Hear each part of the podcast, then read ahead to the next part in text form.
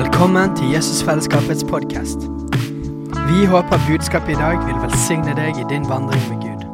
Og om du vil ha mer informasjon om menigheten, kan du gå inn på jesusfellesskapet.no.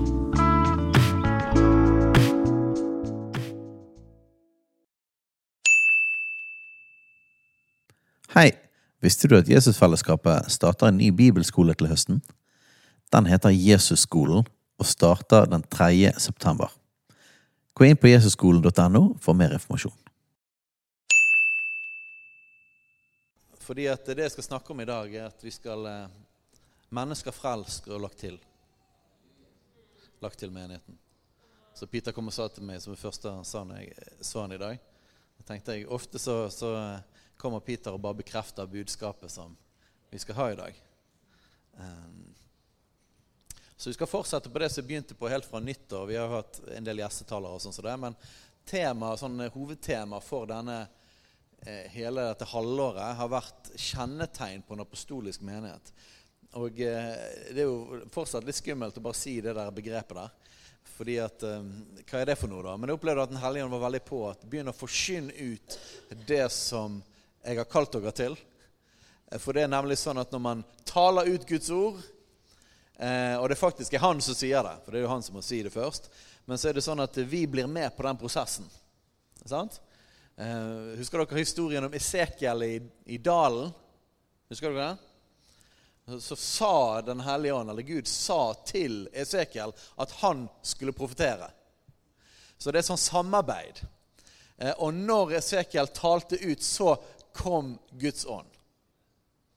Så sånn er det det fungerer. Så, så derfor kjente jeg at hele dette halvåret skulle vi bare forkynne ut, profetere ut, tale ut dette med å være en apostolisk menighet. Og hva i all verden er det for noe ting, da? Eh, og Jeg vet ikke hvor mange av disse her talene dere har hørt. Men kort fortalt så, så er det jo en fancy måte å si menigheten sånn som den er beskrevet i Det nye testamentet. Menigheten sånn som det er beskrevet i Apostels gjerninger. Og det er ikke nødvendigvis alltid sånn eh, vi har gjort det i Norge og i Vesten. Men det fins en modell for hvordan Gud bygger sin menighet i Det nye testamentet. Og jeg opplever at Gud kaller oss til å gå lengre inn og faktisk begynne å praktisere det. For det er noe med noen Guds ordninger. Når vi forholder oss til Guds ordninger, så fins det velsignelse. Så befaler Gud velsignelse der. Og eh, så For å forklare dere hva dette apostolisk menighet er for noen ting, så vi, eh, forkynner vi altså mange sånne ledd av kjennetegn på en apostolisk menighet. Og ta utgangspunkt i og fokusere på Apostels gjerninger kapittel 2, men òg litt i kapittel 1 og noen andre, men litt sånn hovedfokus på Apostels gjerninger 2. Eh, for der står det en beskrivelse av hvordan den første menigheten, menigheten i Russland, var. Og Det står mange kjennetegn der på hvordan det så ut. Og jeg tror at det er en modell for den nytestamentlige menighet. Og vi er fortsatt det, ikke vi det?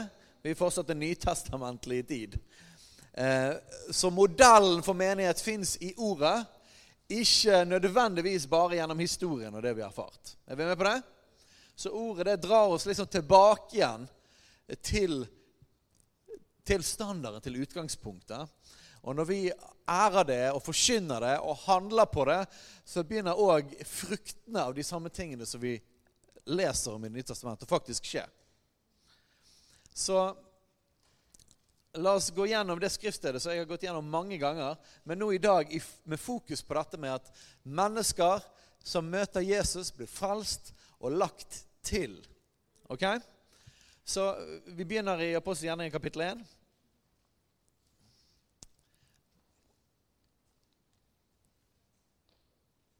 Og Det ligger så mye i de kapitlene at dette liksom bare, nå tar vi bare på den linsen. Så har vi det evangelistiske å gjøre i dag. Vi kan begynne i vers 4. Apostelgjerninga 1, vers 4. Dette er altså noe av det siste Jesus sier mens han er på jorden. Da han var sammen med dem, bød han dem at de ikke skulle forlate Jerusalem, men vente på det som Faderen hadde lovt det som dere, sa han, har hørt av om meg. For Johannes døpte med vann, men dere skal bli døpt med Den hellige ånd ikke mange dager heretter. Ser dere, Her er både Faderen, Sønnen og Ånd eh, i aksjon. Ser dere det? Så det er Jesus som forsyner dette til sine disipler. Og så snakker han om det som Faderen har lovt. Så Far i himmelen har altså lovt noe. Og hva er det han har lovt? Nemlig at de skal bli døpt med Den hellige ånd ikke så mange dager heretter. Så hopper vi til vers 8, så dere sikkert kjenner godt. Alle karismatikere kan jo dette verset. Men dere skal få kraft Halleluja. Dere skal få kraft i det Når da? I det når Den hellige ånd kommer over dere. Dere skal få kraft i det Den hellige ånd kommer over dere. Og dere skal være mine vitner både i Jerusalem og hele Judea og Samaria og like til jordens ende. Nå er det sånn at Den hellige ånd er utøst over oss av veldig mange forskjellige grunner. Det ligger så mye i dette med at Den hellige ånd blir utøst. Eh, jeg pleier å si det på den måten at alt kommer ut av det. Alt i Guds rike kommer ut av Den hellige ånd og livet i Den hellige ånd. Eh, og Jeg kunne tatt en lang liste, eh, og svaret vil alltid være Den hellige ånd. For eksempel, ønsker du mer hellig liv? Hva er det vi trenger da? Den hellige ånd. Hvordan ser hellig liv ut? Det er jo åndens frukter, ikke det? Åndens frukter. Kjærlighet, fred, glede osv. Så, videre. så hvis vi vil ha mer av åndens frukter i vårt liv, da er svaret Den hellige ånd. Eh, hvis, det, hvis, vi ønsker at åndens gaver skal fungere, hva, hva, trenger vi da? Den hellige ånd. Åndens gaver. Vet dere hvem som eh, inspirerte Bibelen? Ja, Det var jo Den hellige ånd. sant? Hele Skriften er innåndet av Gud. Så det betyr at hvis du ønsker eh, Eh, hvis du ønsker at denne her boken skal bli mer levende for deg, eh, da er svaret Den hellige ånd. Sant? Og hvis man vil, liksom, ikke bare vil at boken skal bli levende, men man virkelig skal begynne å se hva som står inne i boken, her, eh, da kan vi jo be om noe som heter visdoms- og åpenbaringsånd. Den åpenbaringsånd, det er Den hellige ånd igjen. Han åpenbarer Skriften. Eh, hvis vi altså basically Uansett hva vi kommer på her av ting i Guds rike, så er alltid svaret Den hellige ånd. Mer av Den hellige ånd. Og nå er ikke det en trussel mot Faderen og Sønnen. Nei, dette er jo Faderen og Sønnens plan. At han skulle sende Ånden som skal hjelpe oss med alle ting. Hvordan, hvordan kan vi bli frelst? Vet dere det? Nei, Da må jo Den hellige ånd ha med overbevise om synd. Men han kan ikke stoppe der. Den hellige ånd må òg åpenbare Jesus. Og så blir det tro skapt i våre hjerter. Vet dere hvem som gjør det? Det er troens ånd. Det er Den hellige ånd igjen.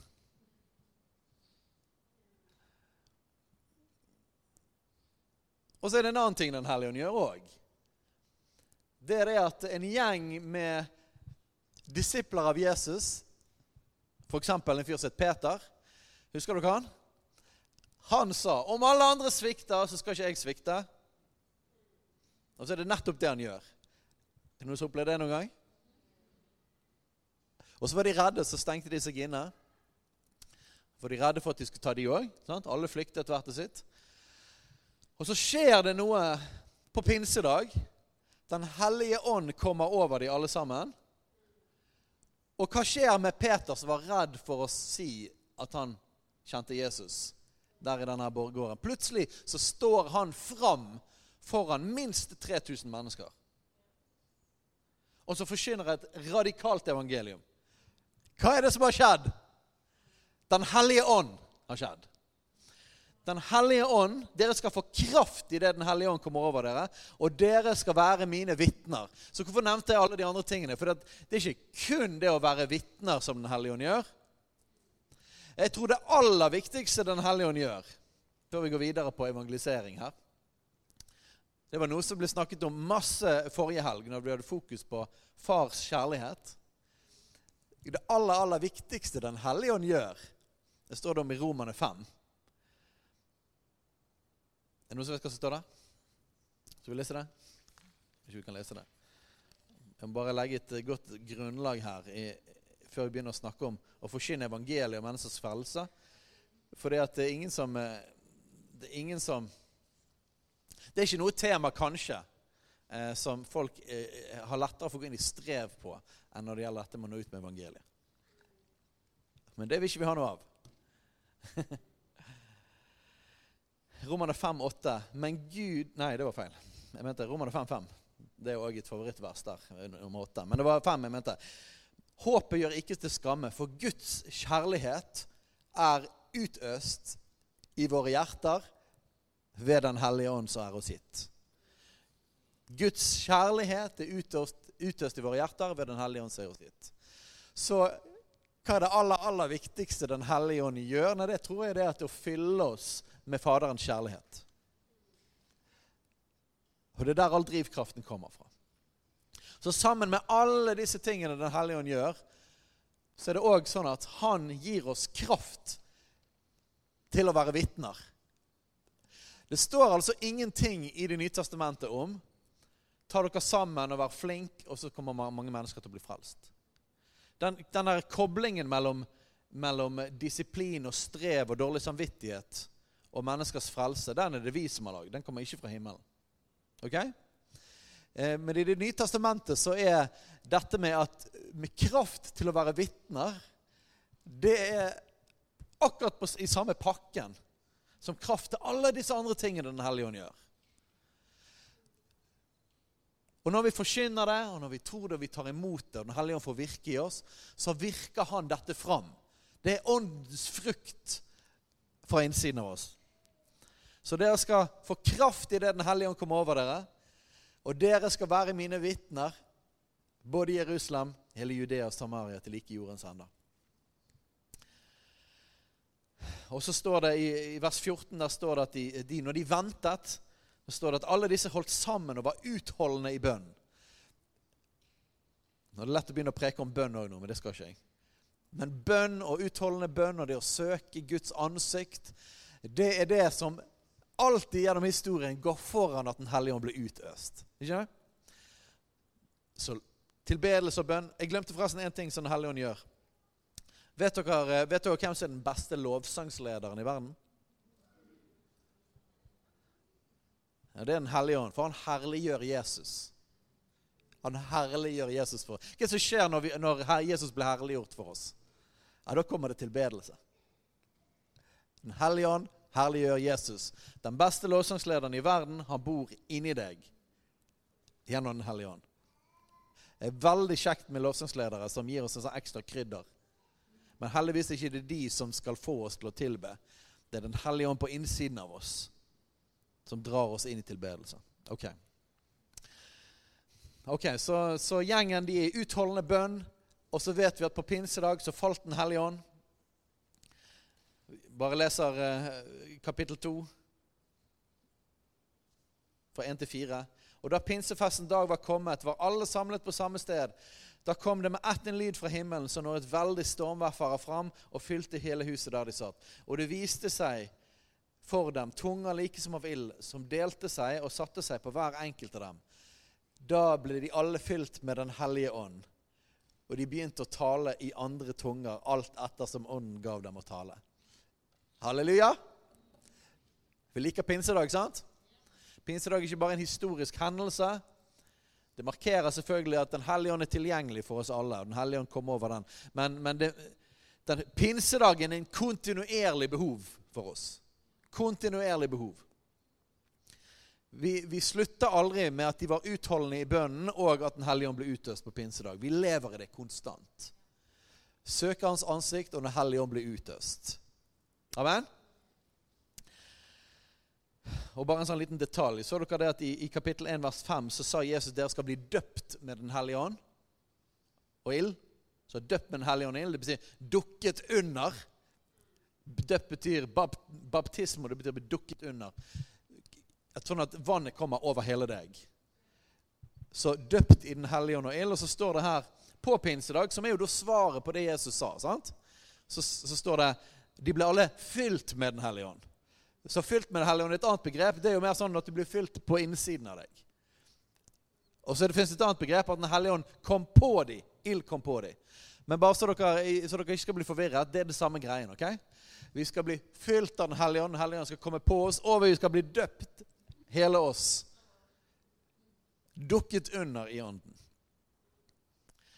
Og så skjer det altså noe med Peter som ikke lenger var redd, men han sto fram, og så forkynte han evangeliet. Og hvordan er det evangeliet blir forkynt? Ok, Vi begynner å smalne oss inn her mot dette med at menneskers frelse, at mennesker blir frelst og lagt til fellesskapet. Hvordan er det evangeliet blir forkynt? Vel, Først begynner han å forklare dette profetiske som skjer, med at Den hellige ånd blir utøst, og siterer Joel og sånne ting. Og så kan vi se fra vers 22. Apostelgjerninger 2, vers 22. Israelittiske menn, hør disse ord.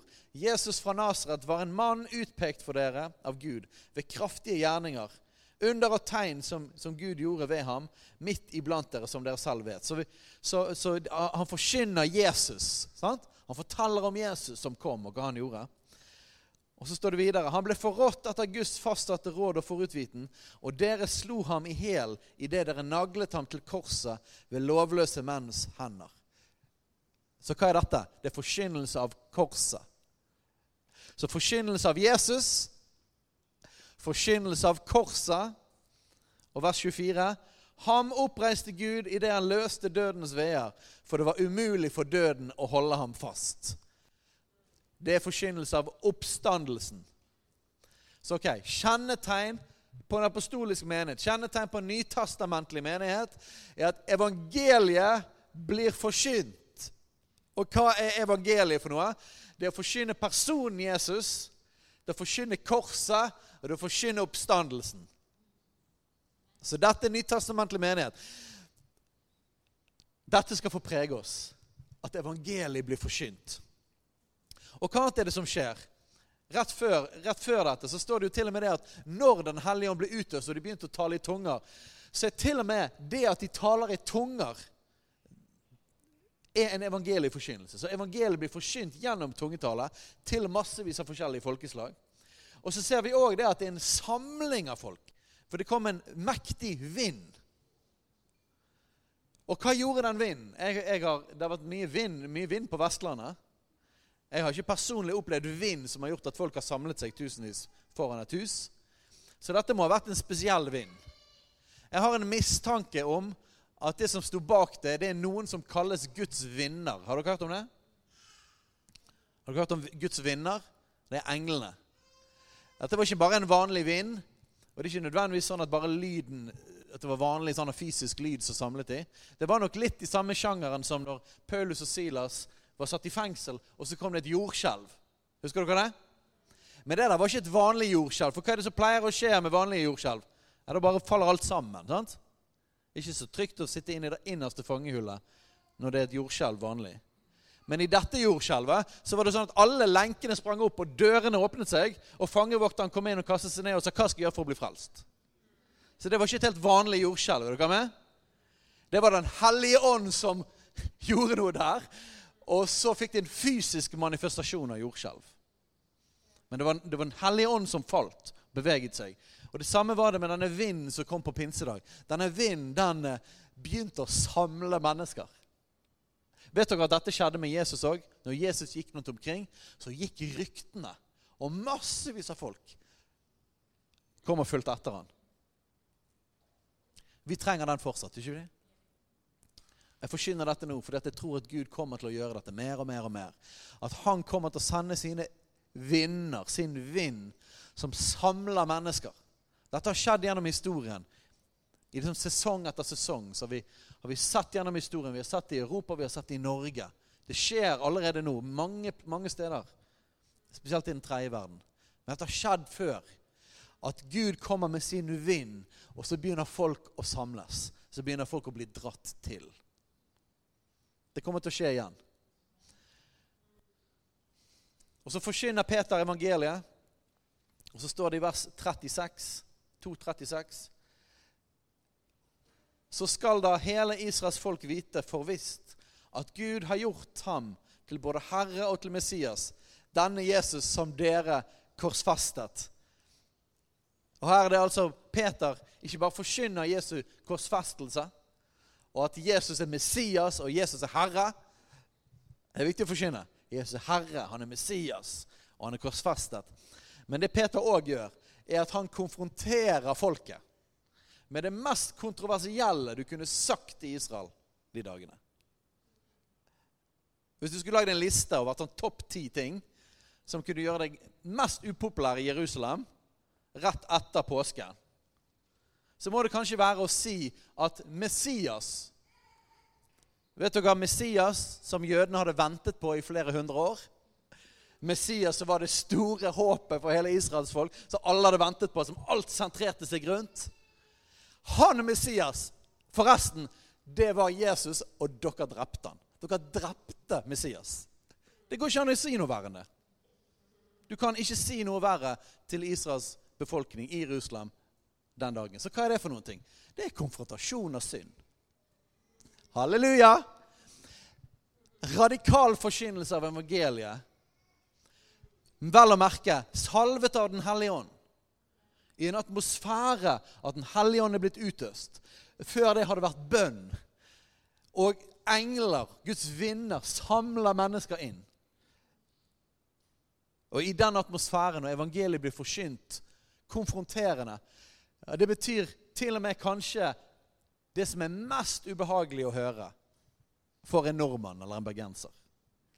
Den synd som kanskje er den største avguden i denne tiden. Når, hvis vi skal se nytestamentlig kristendom,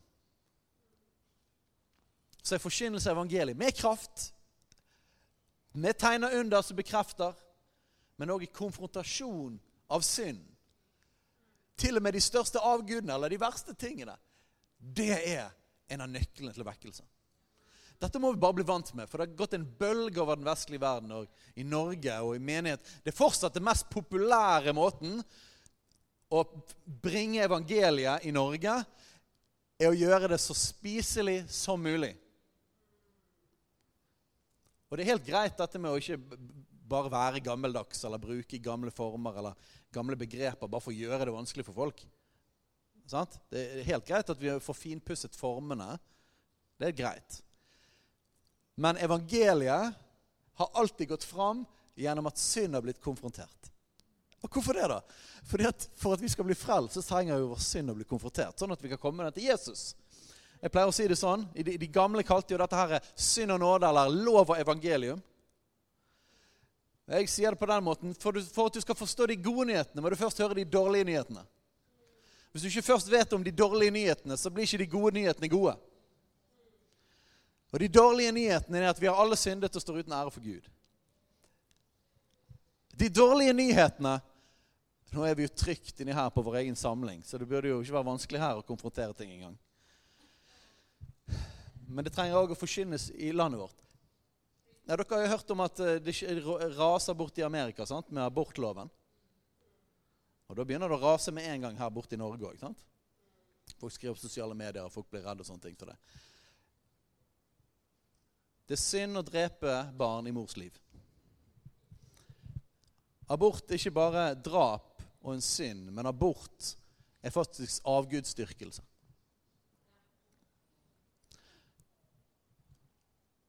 Fordi at vi setter sex utenfor ekteskapet, utenfor Guds rammer, og konsekvensen av det så viktigere for oss enn menneskers liv.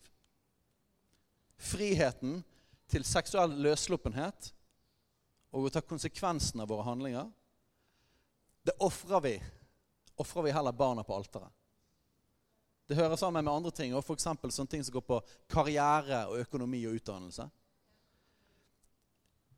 Abort er sannsynligvis det største avgudsofringen som fins i kulturen vår i dag. Vi skal ikke snakke om abort nå, men bare for å gi dere et eksempel på å konfrontere ting som er ubehagelig i kulturen, ser ut som. Men folkens, vet dere det? At når synd blir konfrontert Evangeliet er ikke bare å dømme eller fortelle om synd. Evangeliet er jo at det stikker i hjertet, sånn at vi kan ta imot nåde. Evangeliet er gode nyheter. Men de gode nyhetene kommer etter at synd er blitt konfrontert. Så hva er det som skjer? Peter sier modig, det mest utfordrende du kunne sagt i Jerusalem på denne tiden.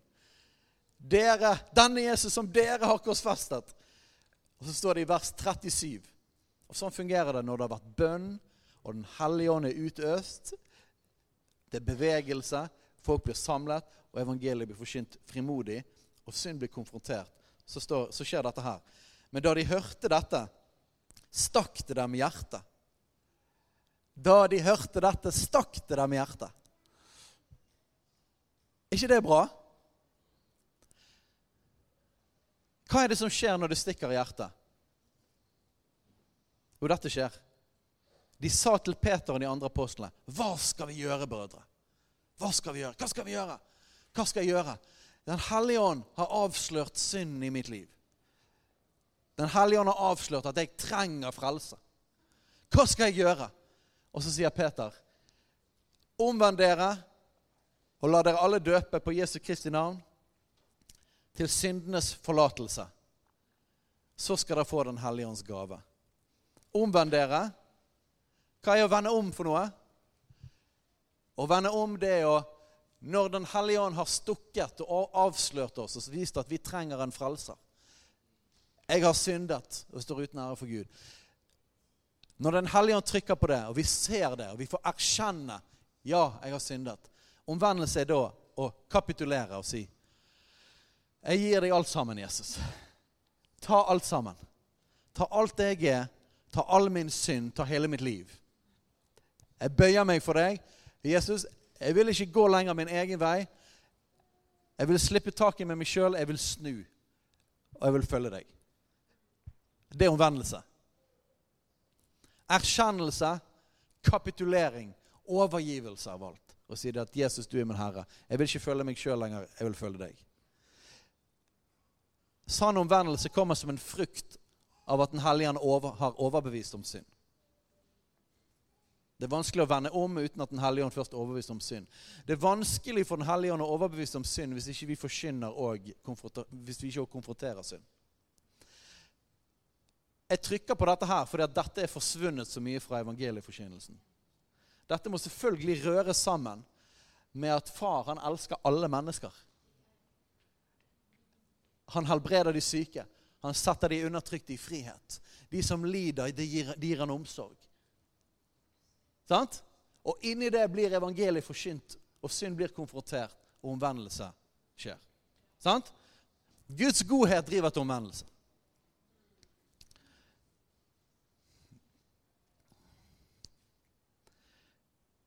La dere alle døpe på Jesu Kristi navn til syndes forlatelse. Så skal dere få Den hellige ånds gave. Jeg, eh, jeg, har en drøm, mer enn en drøm. Jeg har en plan. Når akkurat dåpsbassenget her har blitt fikset, eh, pumpesystem og alt sånt sånt eh, dette, er, lyst, dette, er det jeg har lyst til at vi skal gjøre, iallfall fra høsten av. Jeg har lyst til at vi skal fylle opp det dåpsbassenget hver fredag. Og skal det stå vann i det fram til søndag kveld. Hvorfor det? Fordi at Sånn at vi hver uke kan døpe de som kommer til tro. Og Istedenfor å vente på at noen skal bli frelst, og så fyller vi, så fyller vi som en profetisk handling. Vi er klar. Hvem tror dere Det var en bonde som, eh, som ba om regn.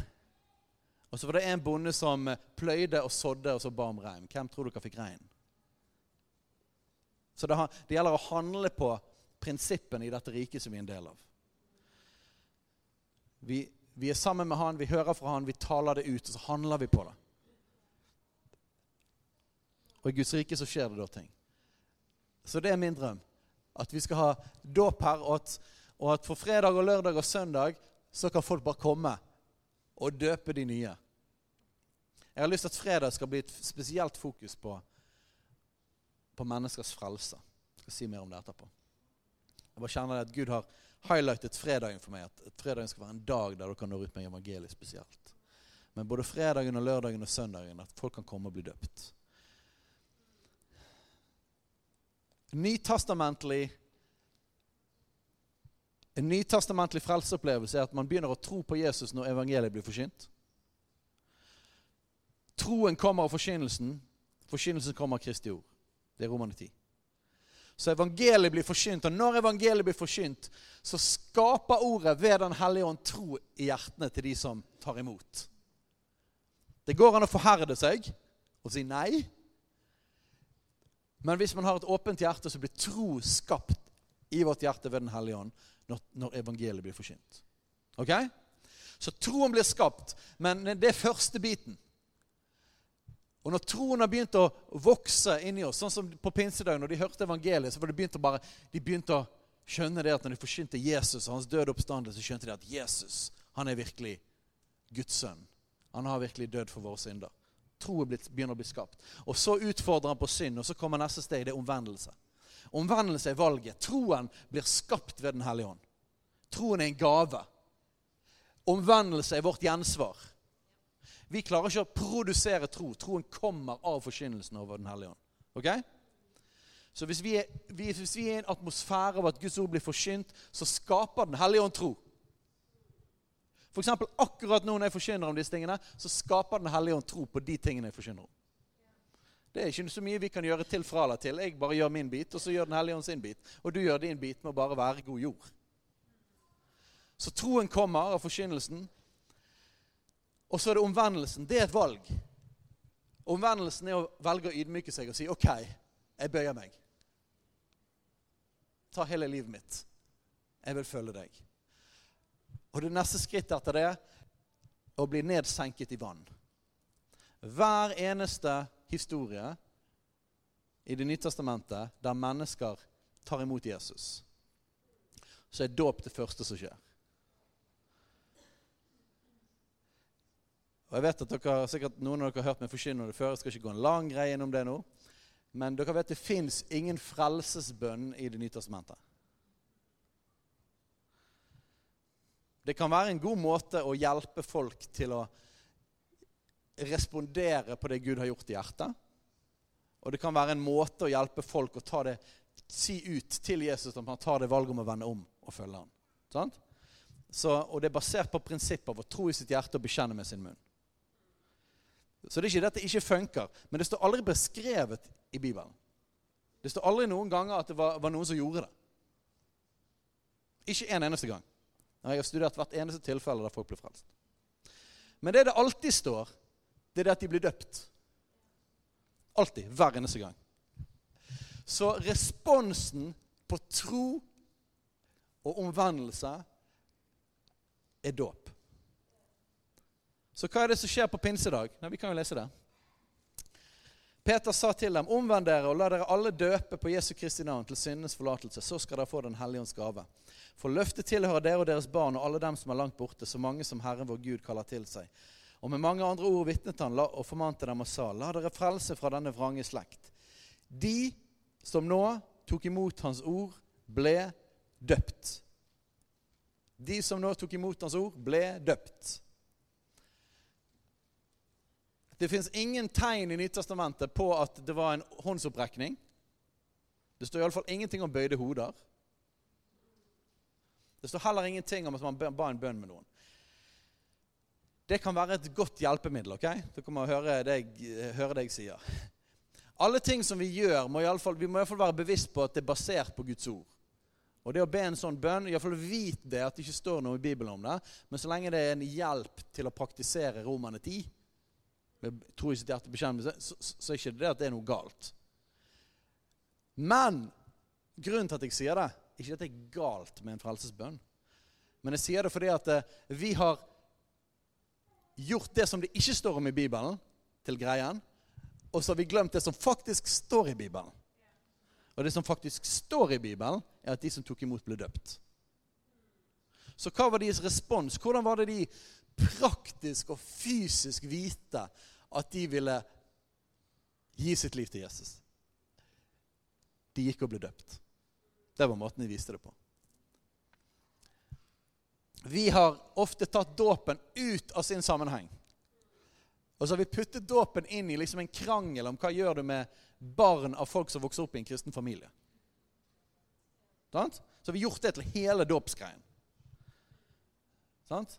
Og, og, I vår kultur så er det sånn med Den norske kirke så er det vanlig med barnedåp. Og sånne ting, og så har du karismatiske baptistiske sammenhenger, sånn som oss. Og, da, nei, det er liksom, Vi skal ikke døpe de spedbarna. Sånn og sånn. Men dette er jo en debatt som ikke fins i Bibelen. Fokuset på dåpen er menneskers frelse. Og da snakker vi absolutt hver eneste tilfelle i hele Bibelen der det blir snakket om dåp. Absolutt hvert eneste tilfelle. Og da gir plutselig, istedenfor at det blir en sånn ekstra tilleggsting Og jeg skal ikke gå langt inn i dåpsforkynnelse nå, jeg nevner det. Men jeg kan si det sånn at eh, dåpen er mye mer enn bare et symbol. Det er ikke bare en bekjennelseshandling, noe en sånn ekstra påheng. Det er fordi at vi har opphøyd frelsesbønn som ikke står i Bibelen. Og så vet vi ikke helt hva vi skal gjøre med dåpen. Det blir en sånn tilleggsting. Men frelsesbønn er en tilleggsting. Dåpen er det som Nytestamentet beskriver. Jeg skal forkynne mer og undervise mer om dåp seinere. Så skal vi ha oss en skikkelig dåpsvekkelse for de som trenger å bli døpt. Dåpen trenger å bli løftet opp. Men i Romane 6 så ser vi at det skjer faktisk noe i dåpen. Det er ikke bare et, ikke bare et symbol eller en bekjennelseshandling. Det skjer noe. Hva er det som skjer da? Vi blir begravet med Kristus og oppreist med Kristus. Begravet med Jesus og oppreist med Kristus. Hvordan tror du dåpen ser ut hvis du ikke bare ser for deg dåp som en sånn tilleggsting for noen som har vært kristne lenge? Men faktisk det er noen som står der, og så hører de Peter forkynne, og så stikker de hjertet og sier, 'Hva skal vi gjøre? Omvend dere. La dere døpe, skal dere få Den hellige ånd.' De bare 'Yes! Jeg vil følge Jesus. Jeg vil bli en kristen.' Ok, bli med nå her. Det står ikke detaljert hva de gjorde, men de måtte jo dra til et eller annet sted det var vann. da. Og siden 3000 ble døpt, så måtte det være en del vann. Sant? Men kanskje de gikk til Jordanelven, som de ofte gjorde. Jeg vet ikke hvor lang tid det tok engang. Men måten de praktisk, praktisk tok imot Jesus på Det skjedde jo selvfølgelig noe der når evangeliet ble forsynt. sant? Det skjedde noe i deres hjerter. Men måten de praktisk tok imot evangeliet på, var at de ble dukket under og kom opp igjen. Der ble deres gamle liv begravd, og så sto de opp igjen til et nytt liv. Og hva var det neste som skjedde? Og Hvis vi ser videre i Apostels hjerne, ser vi der, så la de hendene på dem og ba om at de skulle få Den hellige ånd. Eller bli fylt av Den hellige ånd, eller Hellige ånd skulle komme over dem, eller bli døpt i Den hellige ånd. Det er de samme tingene, alle de begrepene. Så begravet med Kristus, det gamle livet, synd og alt sammen, vekk. ikke det fantastisk? Så den synden om at Og jeg heier jeg var med å drepe Messias. Det er ganske ille. Og så stikker det i hjertet og sier ah, jeg bekjenner det. Jeg var med, jeg har syndet. Ta alt sammen. Yes, fantastisk. Kom her, så skal vi begrave det gamle. Så skal du stå opp igjen til en ny person. Skyldbrevet spikret til korset. Det står det også om i Romane 6 at, at vi ble korsfestet med han. Og så ble vi oppreist med han. Så vi blir drept og begravet. Det gamle forbi, så er alt blitt nytt. Dåpen er kraftige saker. Og vi skal få se dette er min drøm. Hver eneste uke. Mange mennesker overgi sine liv til Jesus. Folk som har kommet til tro på Jesus og ønsker å vende om til Jesus gjennom uken, så skal de få bli døpt. Og det må være så kort tid som mulig. Samme dagen eller bare noen få dager etterpå. Det er det aller beste. Og begravet med Kristus, oppreist med Kristus. Nye skapninger. Og så skal vi legge hendene på dem, så skal de bli fylt med Den hellige ånd. Fylt med Den hellige ånds kraft. For at ingenting i kristenlivet kommer fra eget strev og egen kraft. Det gamle blir drept. Vi får en ny natur. Vi blir en ny skapning. Og så får vi ny kraft fra Den hellige ånd. Det er en god start på livet med Gud, ikke det?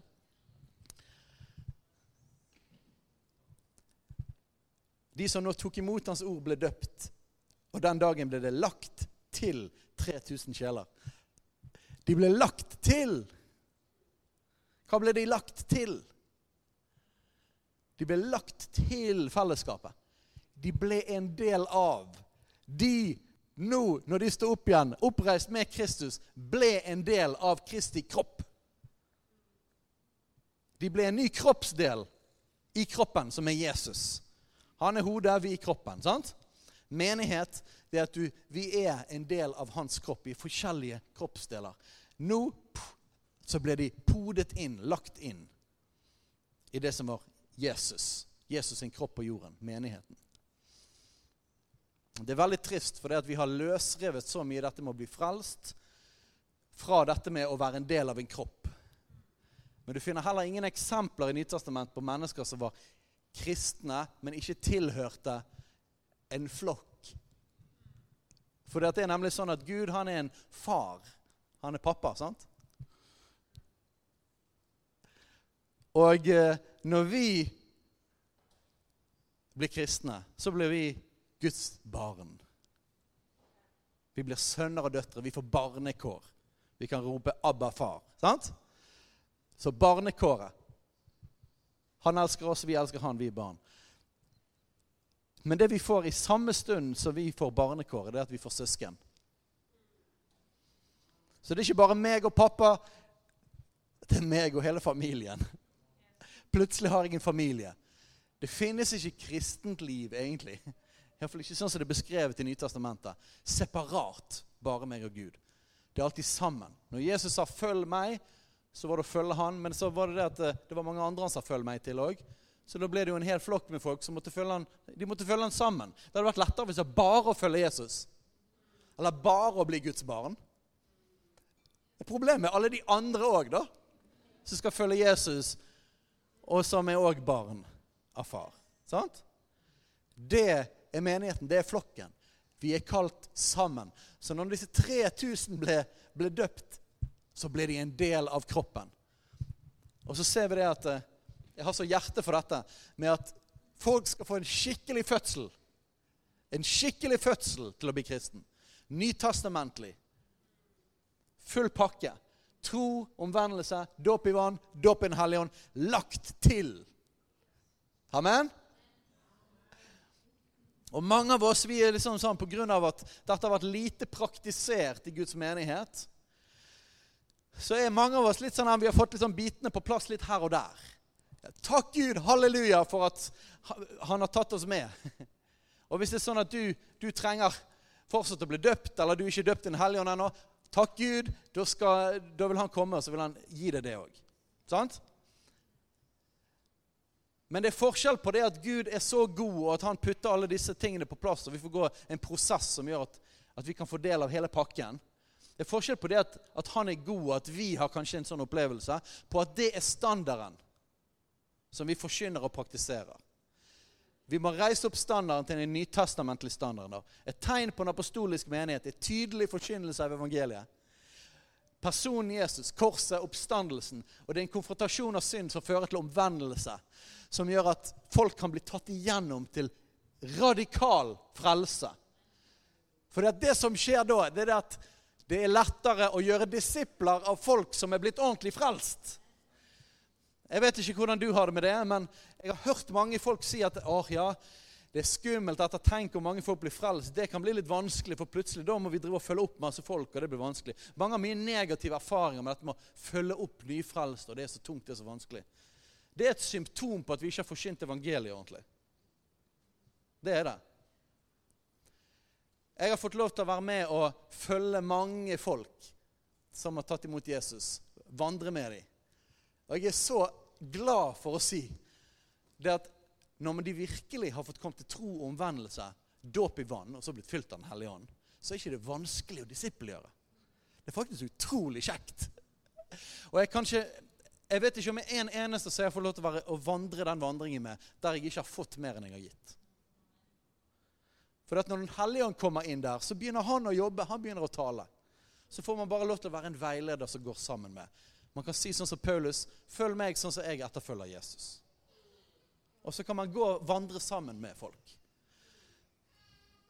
Men vi trenger å forsyne evangeliet ordentlig. Vi trenger å gi folk en skikkelig fødsel.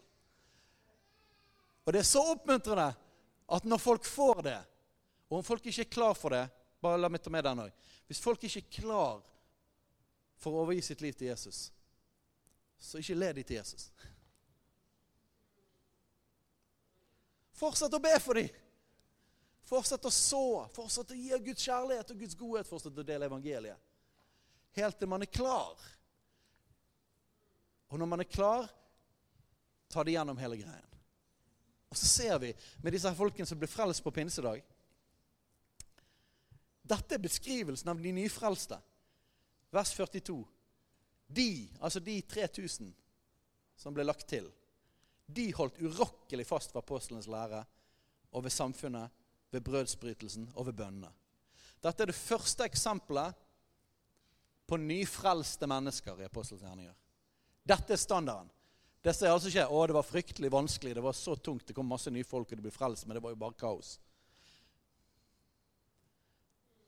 Det er jo nok trøbbel med oss sjøl, ikke det? Det vil alltid være litt trøbbel. Men dette med at folk er nye i troen, er ikke nødvendigvis vanskelig. Faktisk så tror jeg at vi kan veldig godt trenge folk som har akkurat kommet gjennom til tro på Jesus, rett og slett for å være med og vekke oss opp. Så ikke vær redd for masse nyfrelste folk. Når evangeliet blir forsynt ordentlig for å få komme ordentlig gjennom, så er det en enorm oppmuntring å ha nyfrelste mennesker i nærheten. Og så kan vi være fedre og mødre og søsken. Og så kan vi være medvandrere, sånn at folk kan få dypere røtter og modenhet i troen. sant? Men så kan vi bli, Og kanskje kan vi gi mer, gi mer modenhet fordi at man har fulgt Jesus gjennom tjukt og tynt. Man har en historie med Jesus, eh, og, og, og man, har, man, har, gjerne en, en, dypere forståelse av Guds ord. Og Det gjør at man kan veilede. Og alle sammen kan veilede. Så lenge du har vandret med Jesus, så er det bare det er ikke komplisert med disippelgjøring. Det er rett og slett bare å bruke tid med folk. Bare ha det inn i livet, og så bare medvandrer man. Og hvis du har vært kristen mer enn én dag, så har du allerede mer erfaring enn de som ikke har vært kristen mer enn en dag. Så da kan du medvandre. Men dette, dette, er det første eksempelet på nyfrelse. De holdt urokkelig fast på apostelens lære på samfunnet, brødsbrytelsen og bønnene. Så de var radikale fra starten av. Og det kom frykt over enhver sjel, og mange under og tegn ble gjort ved apostlene. Tegn og under. Jeg skal snakke om det en annen gang, ikke i dag. Men tegn og under sammen med forkynnelse av evangeliet enormt viktig for evangeliets utbredelse. Og det er et viktig tegn på en apostolisk menighet, på apostolisk kristendom. Alle de troende holdt sammen, og de hadde alt felles. Der ser du familie. Der ser du rausheten. Det skal vi også snakke om en annen gang. De begynte å selge eiendeler av gods og delte ut til alle etter som enhver trengte det. Og hver dag kom de trofast om ett sinn sammen i tempelet. Der har du det med familie igjen. Og det å faktisk være sammen, møtes i hjemmene, sammen større. Det er et tegn på apostolisk menighet. Nytestamentlig kristendom. Folk elsker å være sammen. De holdt måltid med fryd og hjertets enfold. Spise sammen. De lovet Gud tilbedelse, og de var velsatt av hele folket. Og Herren la hver dag dem som lot seg frelse, til menigheten.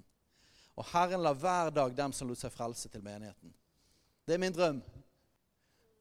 Og jeg forkynner det ut fordi jeg vet at Gud vil gjøre det. Dette er Guds hjerte. Og troen kommer av forkynnelsen. Det forkynner det ut, så skaper det noe. Og Dette har vært min drøm i mange, mange år. Og jeg har liksom lagd en liten sånn eh, Jeg kaller en forsiktig variant på dette. da. Som jeg har, jeg har, nevnt det for dere før, men jeg, jeg, har lyst til å oppmuntre dere til å måte, ta det til hjertet sjøl. Og la det bli din lengsel, din drøm og din bønn. Og Etter hvert så kan vi, kan vi ta denne her med at Herren lar hver dag. Men min drøm i første omgang er at Herren hver uke legger til nye. Ok? Hver uke. At hver uke er det minst én hver uke er det minst én som møter Jesus, blir født på ny, kommer gjennom. Og Derfor trenger vi vannet klart. Minst én i uken. Og så kan det balle på seg. Kan jeg få telefonen, så jeg vet tiden? Ja, vi er der. Ja, det går bra, det. Jeg skal fortsette på dette om to uker. Ribabrama shikibri. Hver dag la Herren dem slå seg frelse, til menigheten. Hver dag eller hver uke. Det var en konsekvens av en kultur i menigheten. Noe som skjedde i menigheten. Det var ikke bare en engangshendelse på pinsedag. Det var ikke bare når Peter forkynte og det 3000 ble frelst, men det satte i gang en bevegelse. For mange år siden så hadde jeg personlig stort fokus på det med opplevde at Gud kalte meg ganske tydelig til å, til å gå ut på gatene og forkynne evangeliet og helbrede de syke. Og Vi hadde stort fokus på det miljøet. Og det er masse gode ting Gud har gjort hos oss, og jeg tror det har vært veldig veldig viktig. Um, så alt det Gud har gjort i oss gjennom tøffe prosesser og sånne ting, og i mitt liv, tror jeg har vært veldig veldig viktig for å kunne bære det Gud vil gjøre videre. Jeg tror det har vært helt essensielt. Men det var noe som Gud gjorde i, de, i den tiden for en del år siden. Når hver eneste uke så var det masse mennesker som ble helbredet. Mange mirakler som skjedde hver eneste uke. Og mange folk som fikk et møte med Jesus. Og evangeliet ble forsynt rundt omkring, spesielt ut på gatene, men òg gjennom livet til mennesker. For det begynte å bli en kultur. Folk som nådde ut med evangeliet på bussen og på, på jobben og alle mulige steder. Um, og I fjor så begynte Gud å tale til meg gjennom at det er tid for at disse tingene skal begynne å bli vekket opp igjen. Og Jeg har vært litt sånn her, eh, jeg tror ikke den viktigste måten å nå ut på er, er gjennom gateevangelisering. Det tror jeg ikke. Jeg tror den viktigste måten å nå ut på er gjennom våre liv der vi er satt i vår hverdag. At evangeliet ut fra oss og vårt liv smitter over på, på de som vi har en relasjon med. Ok? Jeg tror det er den aller, aller viktigste. Og, og, det har vært mitt fokus, og jeg har tenkt at det skal være vårt fokus. Men i fjor så begynte Gud å snakke om at du får ikke slippe helt unna det med gateevangeliseringen. Jeg bare OK, hvorfor det, Gud? Og så opplevde jeg at han sa det at eh, dere må ta fredagen tilbake igjen. For at I mange mange år så, så, var vi ute på gatene hver fredag med bibelskolen. Og jeg var den som gikk i spissen for det i mange år. Og, eh, og vi så Gud gjøre fantastiske ting gjennom årene. Og jeg opplever at han sier at vet du hva? dette er noe som jeg har kalt dere til. Dette er ikke den ene, eneste måten at vi skal nå ut med evangeliet. Ikke i det hele tatt. Men det, det, jeg, jeg, tror, jeg opplever det at han, han, vil at det skal være som en slags et profetisk tegn på at evangeliet skal få nå ut. Så i år så har vi begynt litt forsiktig, meg og Simon, um, har tatt ansvar for det som er evangelisering på bibelskolen igjen. Uh, og jeg har kjent at ok, jeg må begynne å liksom komme i gang igjen med dette med å nå ut med evangeliet til ukjente mennesker der ute. Og det kan koste litt, men det er òg helt fantastisk. Så for meg har det vært en litt sånn oppvarming igjen. ok. Men så har Gud bare begynt å skru dette opp. Så i vår så har jeg opplevd at Gud bare sier vet hva? Liksom bare masse streker og utropstegn under på at fredagene er viktig. Dere trenger å ta tilbake fredagen. Dette er en del av deres arv i Jesusfellesskapet. Dette er noe dere skal gjøre. Så jeg har ikke kommet unna det. Og De siste månedene så har jeg fått mange profetiske ord der det har bekreftet dette her med det evangelistiske området. Jeg opplever ikke at mitt hovedkall er å være evangelist, men jeg vet at det er en del av mitt kall. Og jeg opplever at Gud trigger de tingene igjen og løfter det opp. Så jeg tror at vi skal ta fredagen tilbake igjen. Og fra høsten av så ønsker jeg at evangeliet skal bli forsynt ut fra dette stedet hver fredag. Men jeg og Simon har allerede sagt ja til å være med på det. Eh, og det, Vi hadde en ting i, i gamle dager som het evangelisttime. Og Jeg opplevde at Gud sa sagt de siste ukene Start evangelisttime igjen. Begynn å samle de folkene som har et evangelistkall, men òg andre folk som har et spesielt hjerte for det. De må ikke nødvendigvis være en evangelist, men du har et hjerte for det med evangelisering spesielt. Og begynn å samle de folkene, sånn at det kan være en fortropp for det at Guds plan er at alle mennesker, at vi hele menigheten, uansett personlighet, uansett gave, uansett hva lem vi er, at der vi er, så smitter evangeliet. Ikke ut av strev, men ut av overflod av vår relasjon med Gud. Sant? Og at våre relasjoner, våre venner, våre naboer, vår familie skal få møte Jesus. Det er vår drøm, ikke det? Men det er noe med å skape en kultur. Og kultur blir ofte skapt på forskjellige områder gjennom at de som har et spesielt kall på det, går i spissen for det. Og så skaper det et sånt dragsug som flere blir liksom bare sugd inn i. For det at evangelisttjenesten skal, nevne, skal snakke litt mer spesifikt om det om, om, om, to uker. Men evangelisttjenesten, sånn som de forskjellige tjenestegavene, så er det sånn at den viktigste funksjonen er ikke bare å nå ut med evangeliet sjøl, men det er det at man utruster de hellige.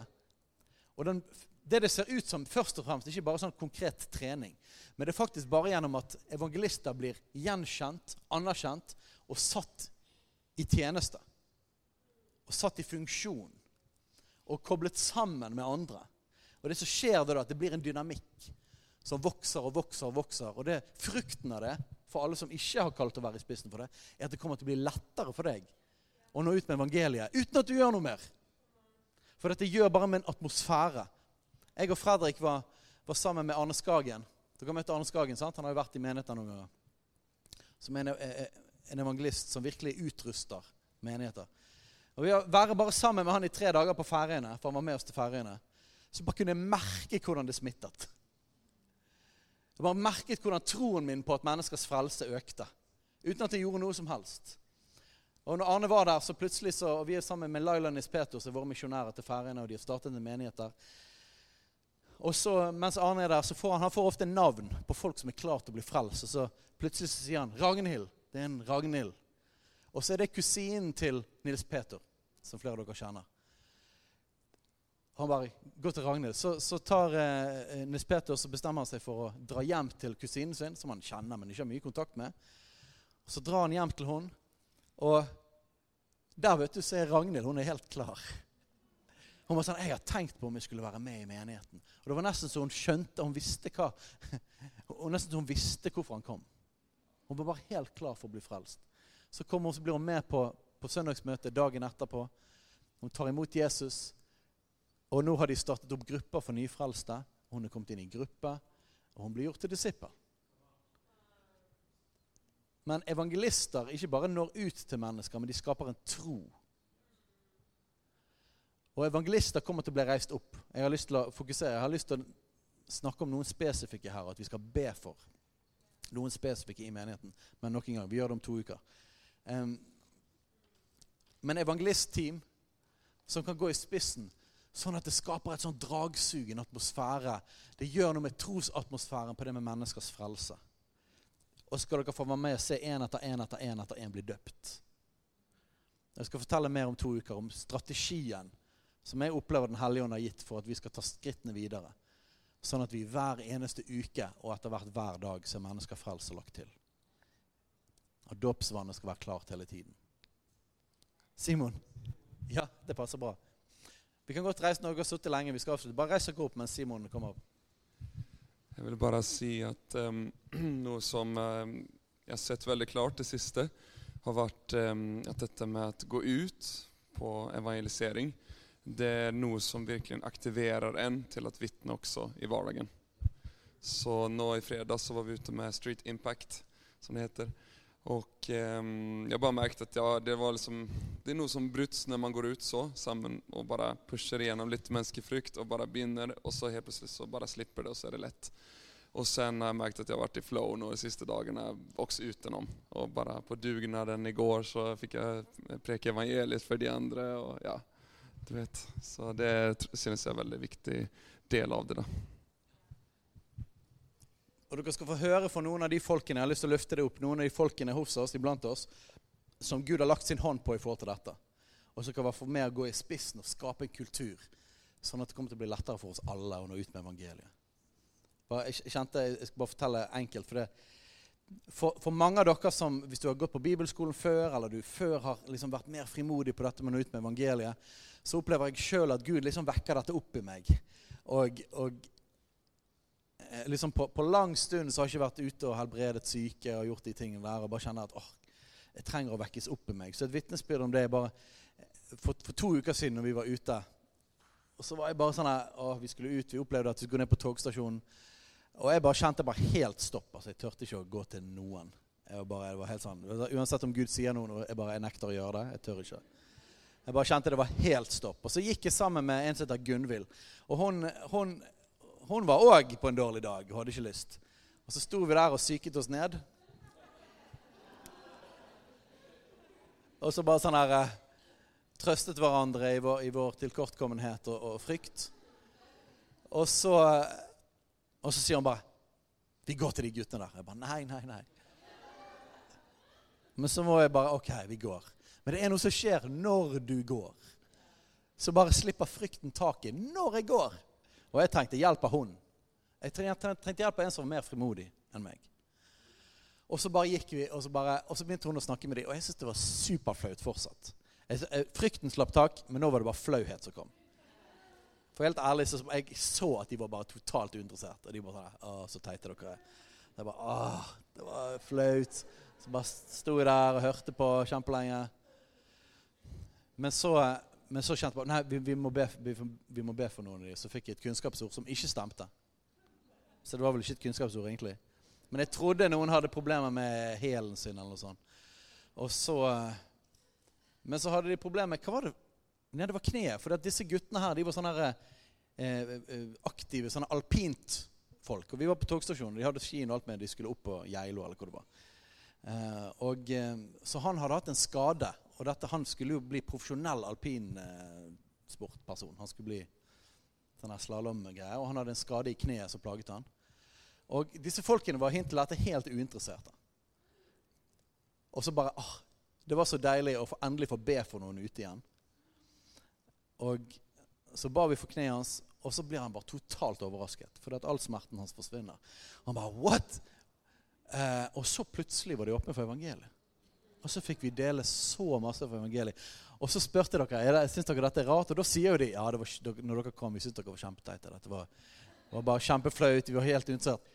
Men nå, etter jeg ble helbredet, så er det plutselig skjønner de ekte. Og så plutselig er det noen som har gitt dem et Nytestament. Og så vil vi skal signere Nytestamentet til dem. Um, og vi får gi dem enda mer. Men jeg, for, jeg, forteller det fordi det er et eksempel på at det er fantastisk. Vi er skapt til dette med å nå ut med evangeliet. Det er fantastisk når folk blir helbredet, når folk får et møte med Gud og får delt evangeliet. Men vi trenger hjelp.